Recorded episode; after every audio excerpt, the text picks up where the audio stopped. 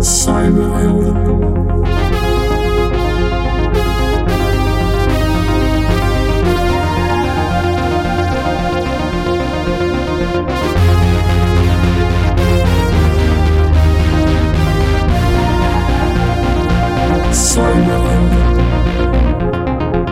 Welkom bij de 23e aflevering van Cyberhelden, de podcast waarin ik in gesprek ga met een gast die zich bezighoudt met de digitale dreiging.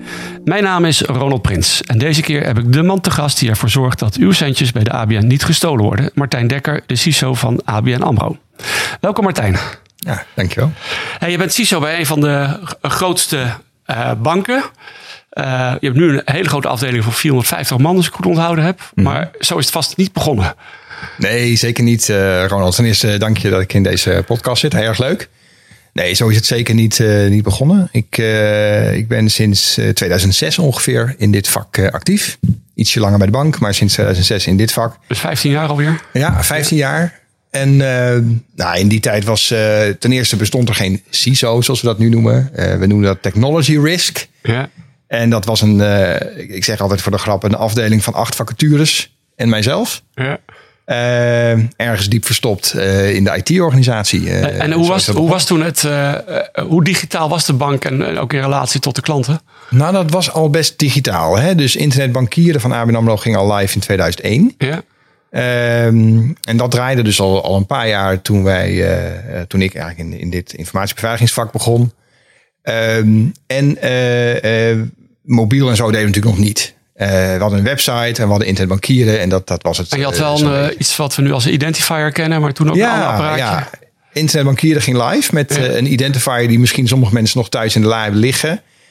identifier 1, inmiddels de meeste mensen hebben identifier 2, dus we hebben wel wat ontwikkeling in gezien. Daarmee zijn we in 2001 in productie gegaan. Ja. Dat is het bekende kastje waar je nou ja, pincode en je pasje in moet doen om te kunnen aanloggen. Ja. En wat soms nog steeds uh, gebeurt in sommige ja. processen. Hey, en uh, nou we het erover hebben, op welk moment ging dat mis met die, met die pasjes en de beveiliging eromheen? Nou, ik denk dat, dat de eerste keer dat we daar wat, uh, wat zagen was denk ik in 2007. Ja.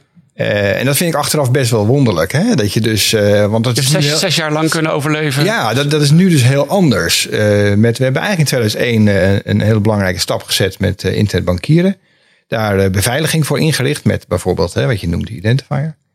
Um, en dat is jarenlang gewoon heel erg goed gegaan. Ja. Uh, en wat je ziet is dat uh, in 2007, waar in mijn herinnering, we het voor het eerst een keer zagen dat daar misbruik van gemaakt is. iets wat je nu veel meer over hoort natuurlijk. Maar dan belt dus een klant voor het eerst op en die ja. zegt er is geld van mijn rekening wat ik niet gedaan heb. Ja. En dan praat je tegen die grote bank die zegt ja, maar dat heeft u toch echt wel zelf gedaan. Ik zie het hier ja. precies, u heeft zelfs uw pincode ingevoerd. Ja. ja, nou toch we vrij snel door dat de klant hier het slachtoffer was. Ja.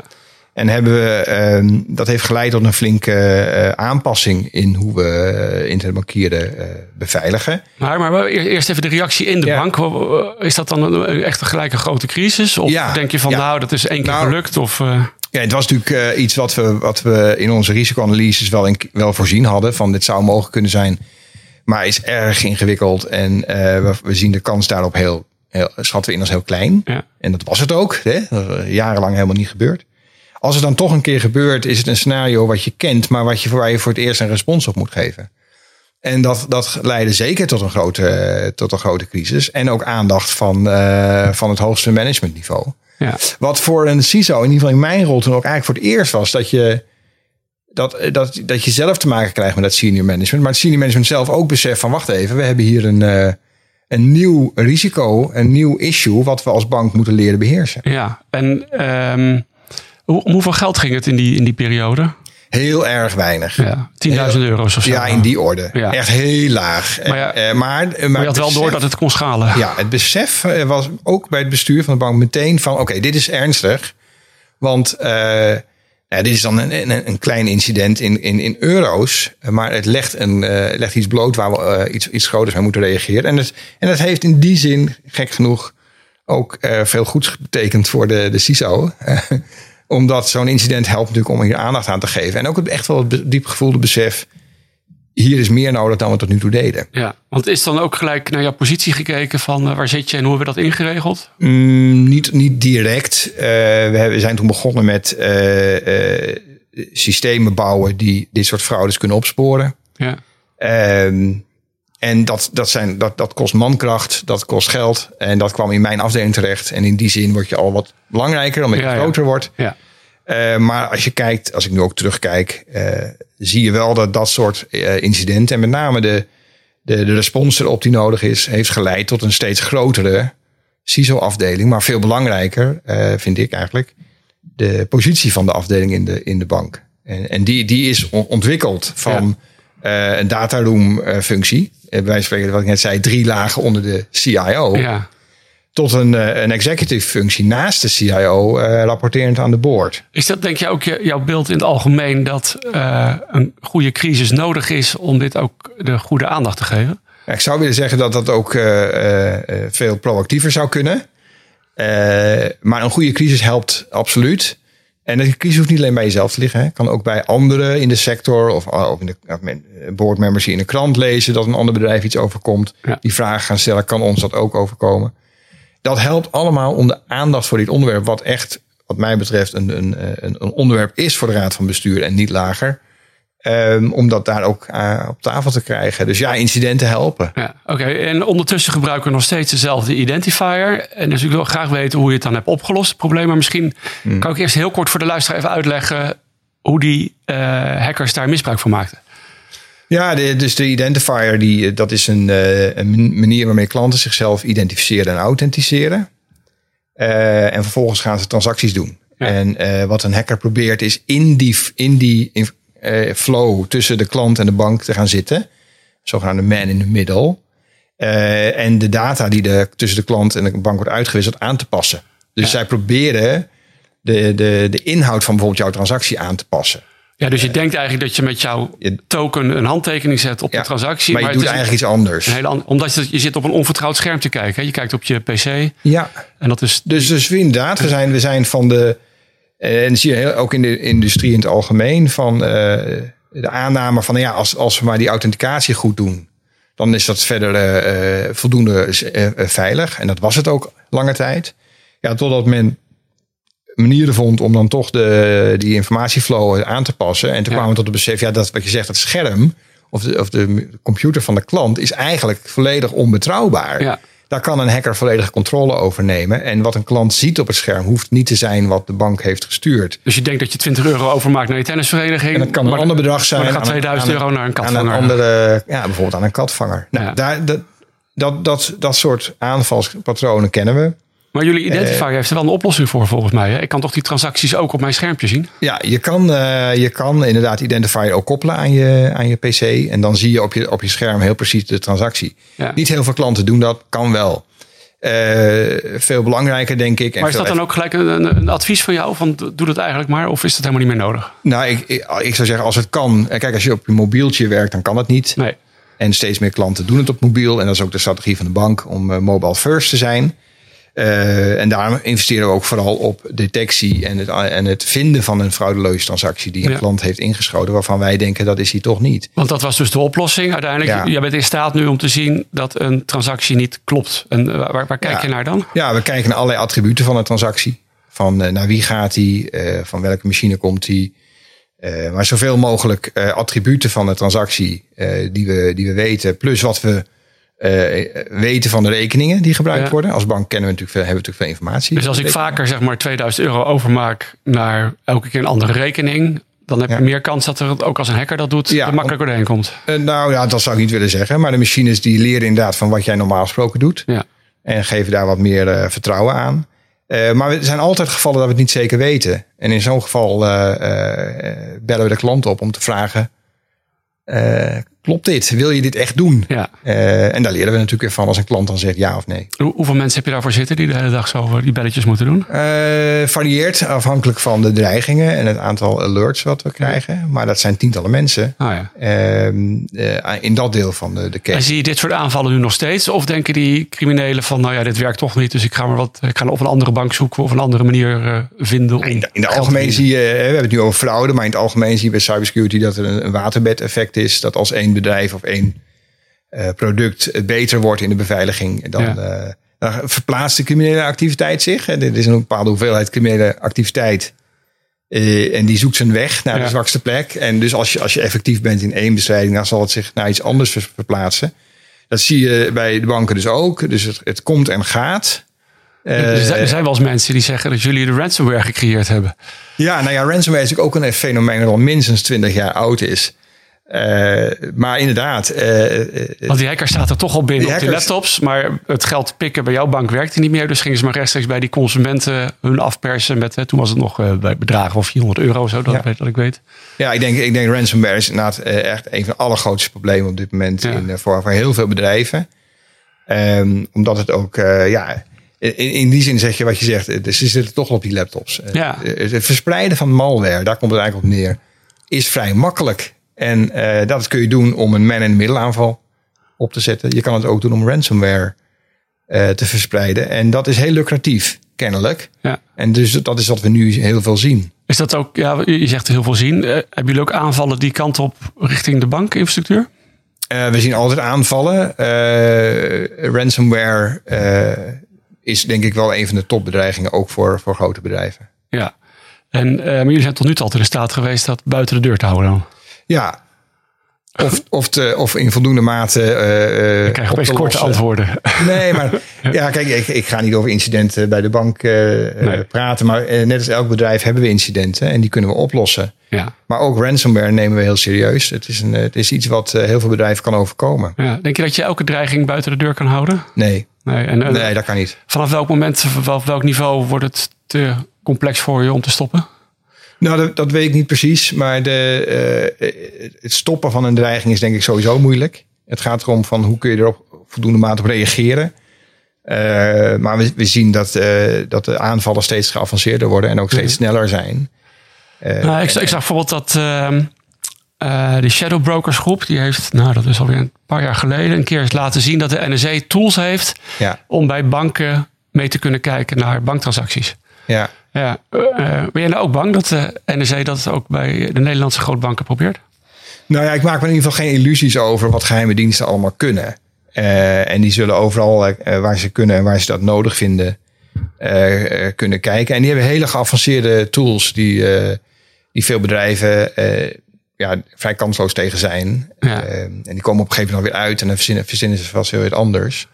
Maar eh, dat soort actoren zijn, eh, zijn heel moeilijk eh, te stoppen. Ja, en Voor, voor banken zijn dat toch andere actoren waar we ons meer zorgen om maken. En dan gaat meer wat je net noemde. Mensen die gewoon geld willen steken. ja, nou ja, goed, wat zichtbaar is, ja. En ehm, nou ja, uiteindelijk, je moet er denk ik wel van uitgaan dat ze binnen zitten. Ben je dan ook continu aan het jagen in je netwerk om te kijken Ja. of je hackers aanwezig ziet? Dus niet, Ja. niet zozeer bij de poorten, maar ook gewoon of ze We zijn- succesvol geweest zijn? We zijn continu bezig met. eh, eh, we hebben natuurlijk heel veel preventieve maatregelen. Waarvan we zeggen, nou, dat, dat, dat geeft een goede verdedigbare positie. Maar we weten ook dat soms eh, dat er toch doorheen gedrongen wordt. Dus we zijn ook continu aan het jagen in ons netwerk. Red teaming zijn we heel actief mee bezig. Veel meer dan, dan een paar jaar geleden. Dat is ook een ontwikkeling die ik heb gezien in Ja. mijn carrière. Dus je hebt een groep hackers zitten eigenlijk die Ja. eigenlijk de bank aanvallen alsof zij criminelen zijn. Ja, dat doen we zelf. Dat doen we soms met een partij die we daarvoor inhuren. Omdat het een specifieke vaardigheid eh geldt die we niet heel vaak nodig hebben. En soms wel. Dan huren we dat in. En natuurlijk voor de bankensector in Nederland is, eh, is het initiatief van Tiber van de DNB. Ja, Waarbij we gezamenlijk eh red teaming doen. Gebaseerd op, op eh, threat intel. En dat is denk ik een hele belangrijke verandering in de laatste tien jaar geweest. Is dat CISO's heel erg keken, aanvankelijk, ik ook. Naar wat doet, wat doet de bank zelf? Wat doen, wat doen wij zelf? En wat voor veranderingen zijn we van plan in IT die, een, die eh, beschermd moeten worden? Kijken we nu heel erg naar buiten. Van wat is de dreiging? En hoe verandert die zich? Waar richt die zich op? En hoe zijn wij daartegen verdedigd? Dus de Tiber, dat, dat staat hè, voor Threat Intel. eh, ik weet het ook niet meer. nee, nee. In, threat Intel-based ethical hack, eh, red teaming. Oh. Ja, ja. Maar het, het punt is, het is gebaseerd op dreiging en niet op target. En dat Ja. is denk ik... ehm, Maar misschien moet je het toch even uitleggen. Dus wat dat anders maakt dan, dan voorheen. Nou ja, als je kijkt van waar ik als CISO mee bezig was aanvankelijk, deden we heel veel change risk assessments. Dus de bank had een verandering voor ogen. Ja. Eh, ik, ik noem het maar, eh, weet ik veel, we gaan naar mobiel bankieren. Ja, En dan, en dan gingen we naar die verandering kijken van hoe verandert dat nieuwe product ons risicoprofiel. nou, op zich ook logisch traject lijkt me. Ja, en dat moet je ook altijd blijven doen. Ja. Uh, maar het is niet meer voldoende, want uh, de, de, de snelheid van verandering buiten de bank, buiten je bedrijf, is veel hoger. Als je dan alleen maar de veranderingen volgt in je eigen bedrijf, ja. dan mis je gewoon belangrijke veranderingen in de buitenwereld. Maar, dus, maar heb jij nu Intel-teams dan die continu de ja, hackersgroepen volgen? Precies. En, dus, dus de, de, focus op Red Team is enerzijds, uh, maar anderzijds ook Intel. Van wat gebeurt er in de buitenwereld? Welke dreigingen zijn er? Daar kun je Intel feeds voor kopen. Er zijn bedrijven die dat voor je verzamelen en aanbieden. Je kan het ook zelf verzamelen. En je kan het ook met andere bedrijven samen verzamelen. En dat is wat we nu zien gebeuren, is dat bedrijven dat steeds meer uh, samen doen. Uh, de focus op het delen van dat soort informatie met elkaar is heel, heel erg groot geworden. Niet alleen tussen bedrijven, maar ook met de overheid. Um, en dat is een heel groot deel van het, uh, van het CISO-werk geworden. En, en hebben dan de, de banken één groot Intel-team samen of heeft elke bank zijn eigen team? Elk team, of elke bank heeft zijn eigen team. Ja. Um, daarnaast hebben we natuurlijk een, een ISEC voor onze sector, waar dingen sectorbreed gedeeld worden. En hebben we sinds nou, ruim een jaar, misschien al twee jaar, uh, met de, de, drie grootbanken samen een, uh, een, een financial cert opgezet om ook echt samen die, die analyses en dreigingen te bekijken. Ja, en dat is niet alleen strategisch van dat je ziet dat criminelen veranderen naar een ander platform waarvan, waar ze op gaan hacken, maar ook echt gewoon IP-adressen dus noods ja, uitwisselen. Ja, ja, het, ja. Is, het is met name heel operationeel juist. En je ziet ook de, sommige dreigingen die gedeeld werden voorheen, waren, werd gedaan in bijvoorbeeld in een maandelijkse bijeenkomst. Oh, nou, die, ja. die frequentie. Dat werkt niet meer. Nee. Nu is het gewoon een Slack, ja, Slack kanaal waar jullie met z'n allen in zitten. Ja, het is nog ja. steeds nodig. Maar het, het, we hebben op een gegeven moment een switch gemaakt naar... we moeten veel meer operationele data delen. Ja. En het delen moet veel operationeler. Dus inderdaad met, met dat soort online uh, direct uh, messaging channels of anderszins. Uh, omdat de snelheid van de dreiging ontwikkeling zo hoog is dat ja. je dat niet één keer per maand kunt, uh, kunt bekijken. Dat, en, is, dat is de lage frequentie. En je, je noemde net de ISEC, hè? dat is een ja. initiatief van het NCSC. Die hebben daar ook een actieve rol in? NCSC heeft een actieve rol uh, voor de vitale sectoren en de Rijksoverheid. Dat zijn jullie ook, hè? Dat zijn wij ook. Ja. Uh, maar ik denk dat, en dat is, is gelukkig breed gedragen, dat is echt niet, we zijn echt niet de enige die dat zeggen. Om om al die sectoren los te laten en zeggen, ja, we, het onderscheid tussen een vitale sector en de rest is, um, is niet terecht. Uh, de, de, dreiging maakt zich ook niet zorgen om die sectoren. Dus NCC moet ook breder kijken, dat willen ze ook. Daar worden ook uh, wetten voor voorbereid om hun dat mandaat te geven. Ik denk dat dat heel belangrijk is, ja. dat die samenwerking tussen de overheid en bedrijven. Want je hebt het gevoel dat ze nu informatie soms hebben wat ze niet kunnen delen met je. Nou, met mij wel, want ik zit in de ja, vitale sector. Vitaal, ja. uh, maar soms met andere delen van onze economie uh, niet. Ja. En uh, dat vindt iedereen een probleem. Ja. Ik hoop dat het snel opgelost is. Dus in de praktijk zie je dat, dat de NCSC ook wel steeds meer doet. ik heb begrepen dat ook Microsoft Exchange Vulnerability hebben ze breed gedeeld. En niet alleen met de vitale sector, omdat ze gewoon vinden, ja, dit moet iedereen gewoon weten. En terecht. Uh, en je ziet ook vanuit uh, uh, het Digital Trust Center, wat, wat, wat, wat ook voor de rest van Nederland werkt. Dat is van de economische zaken. van economische zaken, dat staat eigenlijk naast NCSC. dat die steeds elkaar veel beter gaan vinden. ja, ik hoop dat we daar heel snel een veel efficiëntere netwerk van informatiedeling voor Nederland krijgen dan dat we nu hebben. Ja. En, en jullie een beetje voorlopers, denk ik, als bank, hè? omdat jullie altijd al aangevallen worden. Vroeger had je overvallen en nu heb je digitale overvallen, Ja. zeg maar. Dan heeft ook gedwongen om dit goed in te regelen. Ja. En ehm ja, wat, wat doe je met die kennis? Hoe, hoe, op wat voor manier help je de rest van Nederland met wat de kennis die jullie hebben opgebouwd? Ja, nou wat je, u begon aan het begin al te zeggen dat uh, het ABN AMRO een hele grote CISO-afdeling heeft. Dat klopt. Veel mensen, veel goede experts, heel veel jaren uh, ervaring. En we voelen daarmee ook wel um, een, een, behoefte en misschien zelfs al uh, in ieder geval persoonlijk een, verantwoordelijkheid om dat ook breder in te zetten en te een stukje terug te geven aan de samenleving. Um, dat doen we door uh, nou ja, veel samenwerking op te zetten met andere bedrijven, uh, met name buiten de financiële sector, want binnen de financiële sector hebben we al heel veel samenwerking en met alle, in alle eerlijkheid, we lijken ook erg op elkaar binnen de financiële sector. Ja. Dus uh, dat, dat is, dat is een, daar leren we zelf ook niet zoveel meer van en hebben we ook niet meer zoveel te brengen. Ja. Maar daarbuiten wel. En, uh, noem eens een voorbeeld dan. Nou, we hebben een, uh, een, een, een, informele roundtable opgezet samen met de CISO van, van ASML, waar andere grote bedrijven in zitten. En dat zijn er ongeveer tien. Dat zijn, dat zijn grote bedrijven, een paar grote banken, maar ook retailers. Allemaal Nederlandse corporates. Nederlandse corporates. Ja. Maar nummer één agendapunt in die roundtable is met name MKB. Dat is oh, wat, hoe kunnen wij onze krachten bundelen? Want die, uiteindelijk zijn jullie afhankelijk weer van het MKB. Dat zijn behalve je klanten als bank natuurlijk zijn het ook je suppliers eh, soms. Absoluut. Uh, en, en, en MKB zit natuurlijk niet in een vitale sector. Terwijl het meer dan 90% van de bedrijven in Nederland is MKB. Ja. En hoe vertaalt zich dat dan? Hoe, hoe, gaan jullie helpen? Nou, we proberen daar uh, uh, kennisdelingsworkshops te doen. we proberen te kijken van hoe kunnen we komen tot standaarden om leverancier security assessments op te stellen. Dat die leveranciers niet door elke klant op een andere manier bevraagd worden. Dat we daar een soort uh, ecosysteem risk management uh, framework voor opzetten. Want je bent nu kritisch ook op jouw leveranciers. kritisch op leveranciers. Dus in onze procurement zitten ook gewoon condities waarin we zeggen: ja, hieraan moet je voldoen. En, en dit zijn de dingen die je ons moet kunnen laten zien dat je in control bent. En, laat, je, laat je jouw red team ook wel eens los op een leverancier dan? dat, dat doen we soms. Dat is nog niet heel veel. Maar dat, dat gaat nu wel uh, meer worden. Uh, en leveranciers zullen daar ook aan moeten wennen. Hè? Dat, dat dat heel normaal is dat je elkaar. Zij worden er ook beter van. Zij worden er ook beter van. Ja. Maar dat is niet iedere, niet iedere leverancier uh, ziet dat nog. Hè? Die zegt, dus, ik heb het prima zelf op orde, je hebt hier niks te zoeken. Ja, En, en soms kan het ook zijn dat een derde partij een, een audit doet. dat, en dat we kunnen steunen op dat soort accountancyverklaring. Dat is ook goed, afhankelijk van de dienstverlening. je ziet dat het managen van dat vertrouwen in die supply chain, dat gaat twee kanten op. Want zo'n leverancier moet ons in zekere zin ook kunnen vertrouwen. Zeker als we netwerken koppelen. En omgekeerd, dat moeten we met z'n allen nu leren. Dat is een van de grootste uitdagingen van, uh, van informatiebeveiliging. Hoe, hoe manage je dat, dat vertrouwen in zo'n lange supply chain?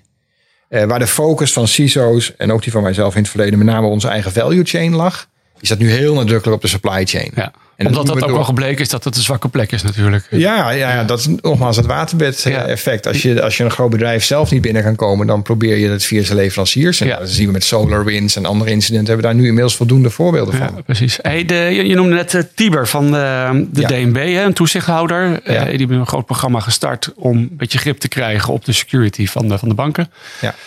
Um, nou, voor mij ervaar je dat als positief. Zeker. Um, maar hoeveel last heb jij uiteindelijk van toezichthouders om je werk te doen? Uh, ik denk dat ik daar in, in, in eigenlijk geen last van heb. Uh, het, sterker nog, het kan ook geholpen hebben met het onderwerp uh, agenderen bij senior management. Mm -hmm. Maar in het algemeen ervaar ik zeker in Nederland goede samenwerking met de DNB en andere toezichthouders. Um, omdat die ook snappen, en ook trouwens de, de ECB, ik heb het ook toezichthouders van de financiële sector, um, die ook snappen dat technologie zoals cloud een onderdeel is van de financiële sector. Ja, dus dat ze er niet voor gaan liggen van dat kan allemaal niet. sterker nog, ze komen, ze komen uh, denk ik, uh, met vragen naar de sector van hoe, hoe kunnen we dat het beste reguleren? Ja, ja. Uiteraard, natuurlijk komen ze af en toe met regulering waarvan ze zeggen, hm, liever niet, of ja. had het niet anders gekund. Maar je ziet de dialoog is goed en de, de, consultaties die ze doen, luisteren ze ook goed naar de markt. Ja. Uh, maar uiteindelijk blijft het natuurlijk wel een, een, externe verplichting die op je afkomt. En daar zit niet iedereen altijd op te wachten. maar, maar, misschien soms ook wel botsende verplichtingen. Want ze willen ook bijvoorbeeld dat je altijd online bent. En dat is niet zo fijn als ja. je op dinsdag je Microsoft spullen moet patchen. Ja, dus er, er zijn ook uh, regelgeving komt uit verschillende hoeken. En die zijn niet altijd helemaal op elkaar afgestemd. Uh, je noemt een goed voorbeeld van beschikbaarheid. Uh, die geldt voor bepaalde financiële producten. Die moet zoveel uh, procent van de tijd up zijn. dat is één wetgeving. En de andere zegt je moet, je moet voldoende veilig zijn. Wat zich soms vertaalt je moet voldoende patchen. Nou, dat is best lastig als je, als je veel moet patchen en veel beschikbaar moet zijn. Uh, maar dat zijn dilemma's. Ja, dan denk ik ook van ja, dat hoort erbij. Als je actief wil zijn in cyberspace, ja, dan hoort dit erbij. Ja, zeker. Dit zijn de dilemma's die we moeten oplossen als bedrijf. En er zijn soms ook dilemma's, terug naar het eerste punt, die je eigenlijk maar op één niveau kunt oplossen. Waar je eigenlijk op één niveau in een bedrijf kunt zeggen: ik kies voor links of rechts. Ja. En dat is de boord van het bedrijf. Ja, En daar hoort die discussie thuis. En, dat zien we gelukkig ook gebeuren. En zijn die inmiddels in staat om dat gesprek ook goed te voeren? Dat ze ook overzien waar hebben we het dan over uiteindelijk? Wat, nou, ik, ik, denk dat dat ook, ik denk dat het ook een taak is van de, van de CISO in dit geval. Uh, of, of de rest van de organisatie om dat goed uit te leggen. En dat goed op tafel te leggen.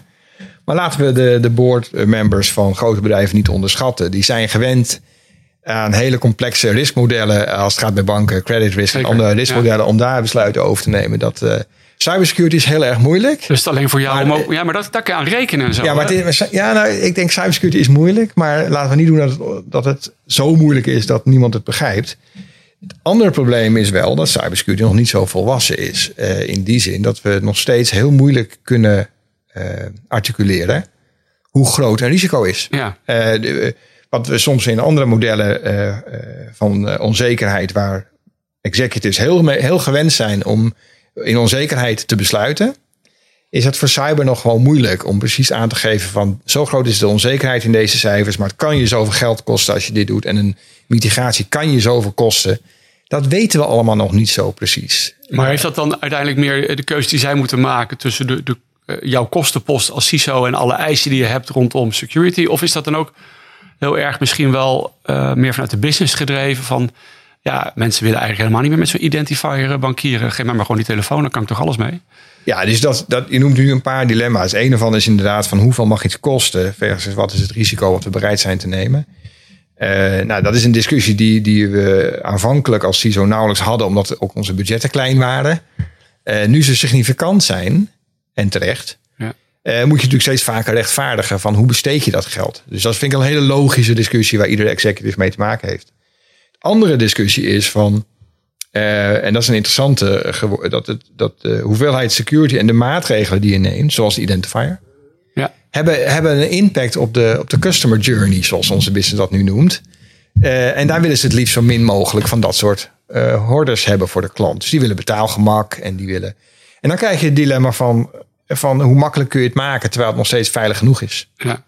En dat, maar ook dat vergt weer een discussie op het hoogste niveau. Uh, dat kun je niet, uh, uh, op een, kun je niet delegeren. En dat is ook wat ik om me heen zie. Is dat... maar, maar als nou een van de banken zegt, en misschien heeft ING dat al eigenlijk, die hebben geen tokens geloof ik hè? Die, ja. hebben, die hebben alleen een telefoon. Is dat dan niet ook een push dat ze... Dat, dat, nou, Zeker. Zie je ook mensen verhuizen dat ze zeggen van nou ja. Dat, dat weet ik niet. Nee. Dat weet ik eerlijk gezegd gewoon niet. Dat is niet mijn, mijn beeld wat ik heb. Um, maar uh, natuurlijk wordt er gekeken naar van uh, security op zichzelf is nooit een, uh, iets waarop we onderling willen concurreren. Nee. Maar hoe je dat doet en met wat voor klantervaring je dat kan doen, is natuurlijk wel belangrijk geworden in de Ja. keuzes die klanten maken. Ehm, wij proberen ook in toenemende mate het zonder identifier te doen. Ja. ja. Maar we En- willen ook En, kijken en dat naar... kan omdat je bijvoorbeeld heel goed detectie erachter hebt zitten. Ja, we zien nu dat we een gelaagdheid hebben van security maatregelen. En, Ja. eh, en hoe beter we daarin worden, hoe uh, makkelijk we het ook voor de klant kunnen maken. Ehm, de, de, de- we kwamen steeds op die telefoons. Ehm, eh, we hebben wel malware allemaal gezien op, de, op PC's, hè, in waar we het begin over hadden. Wat Ja. je dus met monitoring eruit weet te filteren. Ja. Ehm, zien we dat ook op, op de mobieltjes? Ja, in toenemende mate zien we het ook op de mobiel. Eh, eh, dan heb ik het over in het algemeen in malware. Eh, ook, ook deze week veel in het nieuws. dat mensen via sms verleid worden om een app te installeren die malafide is. Ja. waarmee men probeert geld te stelen.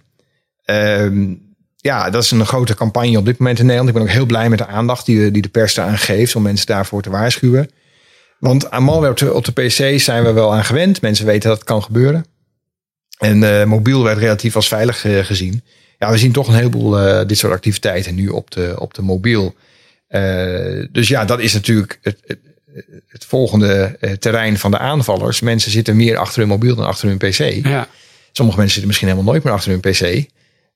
Dus dat is waar ook de aanvallers zullen zijn. ja. En, maar je denkt wel met dezelfde detectieve maatregelen, het monitoren van de transacties, dat je ook in staat bent dat soort aanvallen af te slaan? Nou ja, eh, dat is wel eh, wat, wat we nu aan het doen zijn. En dat blijkt ook effectief. Eh, of dat genoeg zal zijn in de toekomst, dat weet ik niet. Ik denk dat we juist onze op- ogen open moeten houden voor steeds nieuwe dingen willen doen. Nooit tevreden zijn met wat je al doet. Het kan zomaar zijn dat wat we deden niet meer goed genoeg is. Dat hebben we al een paar keer meegemaakt. En dus moeten we continu ook zoeken naar nieuwe methodes. Ja. En misschien, eh, misschien dat we het over twee jaar heel anders doen dan nu. Dat word, je, niet. word je er wel eens in het weekend gebeld van we zien nu opeens best wel veel transacties dat je Eh, ja, nou ja, komen? ik- ik heb daar, we hebben daar bij de bank eh, goede teams op zitten die daar in eerste instantie voor gebeld worden. Maar soms bereikt het ook een niveau dat ze zeggen: Ik wil weten dat je Ik wil dat je weet dat dit speelt. Dat het nu speelt, ja. ja. En dat gaat 24 keer 7 Ja, door. dat gaat wel de paard Ja, door. ja.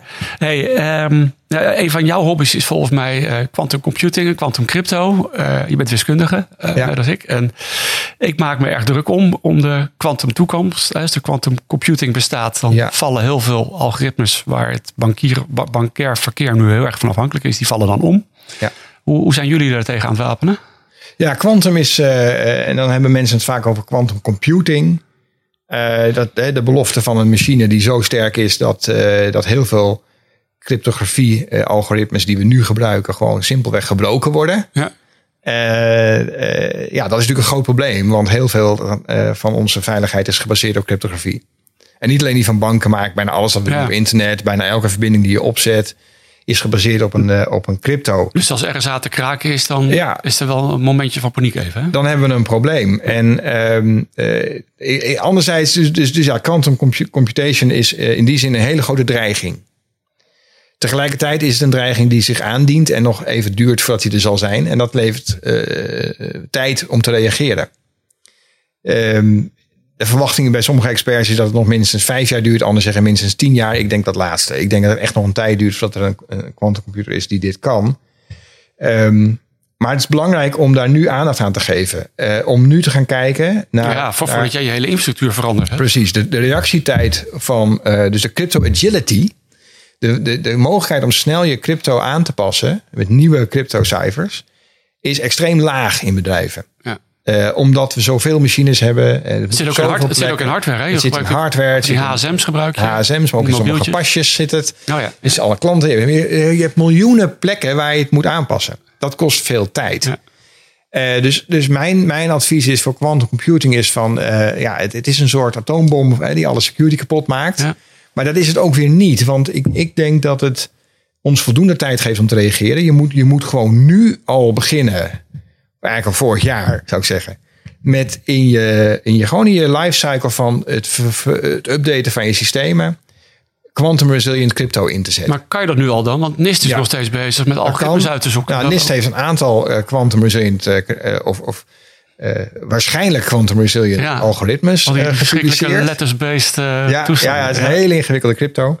Eh, die vaak ook nog heel veel compute kost. Hè? Ja. Dus het is ook niet makkelijk om te implementeren. Dat past niet meer in je smartcard. Past ook niet in je, in je smartcard. Eh, maar bijvoorbeeld voor, eh, voor symmetrische keys eh, is het prima te mitigeren met de verdubbeling van Ja. keylengte. Er, zijn, er zijn ook een paar simpele dingen waar het wel kan. En, en, en, en het gaat erom dat je nu goed kijkt naar welke quantum resilient cijfers zijn er en stop ze in je lifecycle management. Dan is het geen grote verandering of extra investering om quantum resilient te worden voor quantum computing. Ehm, maar je moet dat dus nu wel gaan doen, want Ja. onderschat het niet. SHA-1, hè, dat was een cijfer die is eh, in, geloof ik in 2006 of zo al gekraakt. Gekraakt. ja, ja. Eh, en Chrome en Google eh, en zo, die hebben pas de, de cijfer uit hun browsers gehaald in 2012. ja, ja. Dus dat kost jaren. Ja. Dus je moet nu beginnen. Daarnaast denk ik dat quantum, ik ben een erg grote optimist. ehm, dat quantum een hele grote kans geeft. Levensgevaarlijk jouw rol, hè? Nou, ik, ik weet niet of het gevaarlijk is, Ronald. Ik denk ook wel eens van, het is misschien ook wel een overlevingsstrategie voor een CISO om optimistisch te zijn. Anders Ja. hou je het niet vol. Ja. Maar, maar ik denk dat kwantumtechnologie, breder dan compute, juist ook een grote kans geeft om een veel veiliger internet te bouwen. Ja.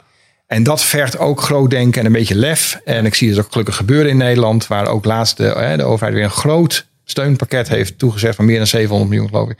Voor quantum. Ja, quantum key distribution. Ja, maar ook quantum communication. Ja, maar dat- Eh, eh, en niet alleen eh, key distribution, maar ook dingen als quantum teleportation. Waarvan ik denk dat klinkt, als, klinkt erg far away. Ik denk quantum computation is far away. ja. Die andere technologieën zijn dichterbij. En geef ook een kans om een veel veiligere infrastructuur op te zetten. Ja. Maar dan moeten we daar nu wel op investeren. Ik ben heel blij te zien dat Nederland dat ook doet. Nou, je vroeg wat doet ABN AMRO daar aan? Wij, wij, wij sponsoren daar deels onderzoek in. We hebben er ook zelf een paar mensen op werken. Samen met QSoft, samen met, eh, met eh, QTech, eh, TU Delft, TNO, KPN, andere bedrijven. proberen we daar met, met wat kennis en kunde, maar ook met wat geld te helpen om die industrie van de, van de grond te krijgen. Ik zelf geloof dat kwantumtechnologie een grote rol zal spelen in informatiebeveiliging in de toekomst. Een andere innovatie zijn de blockchains.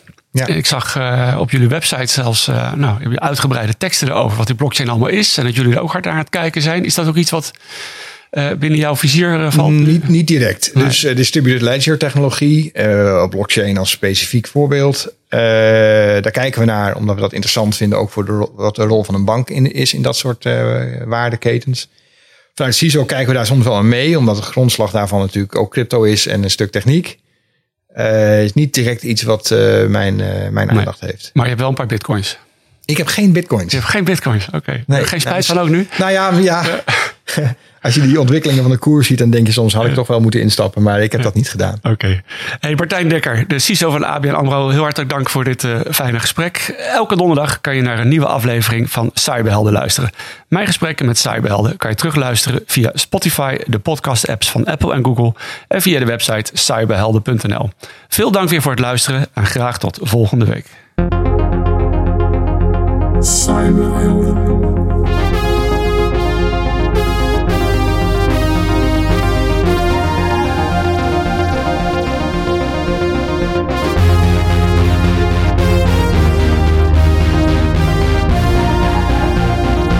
Solo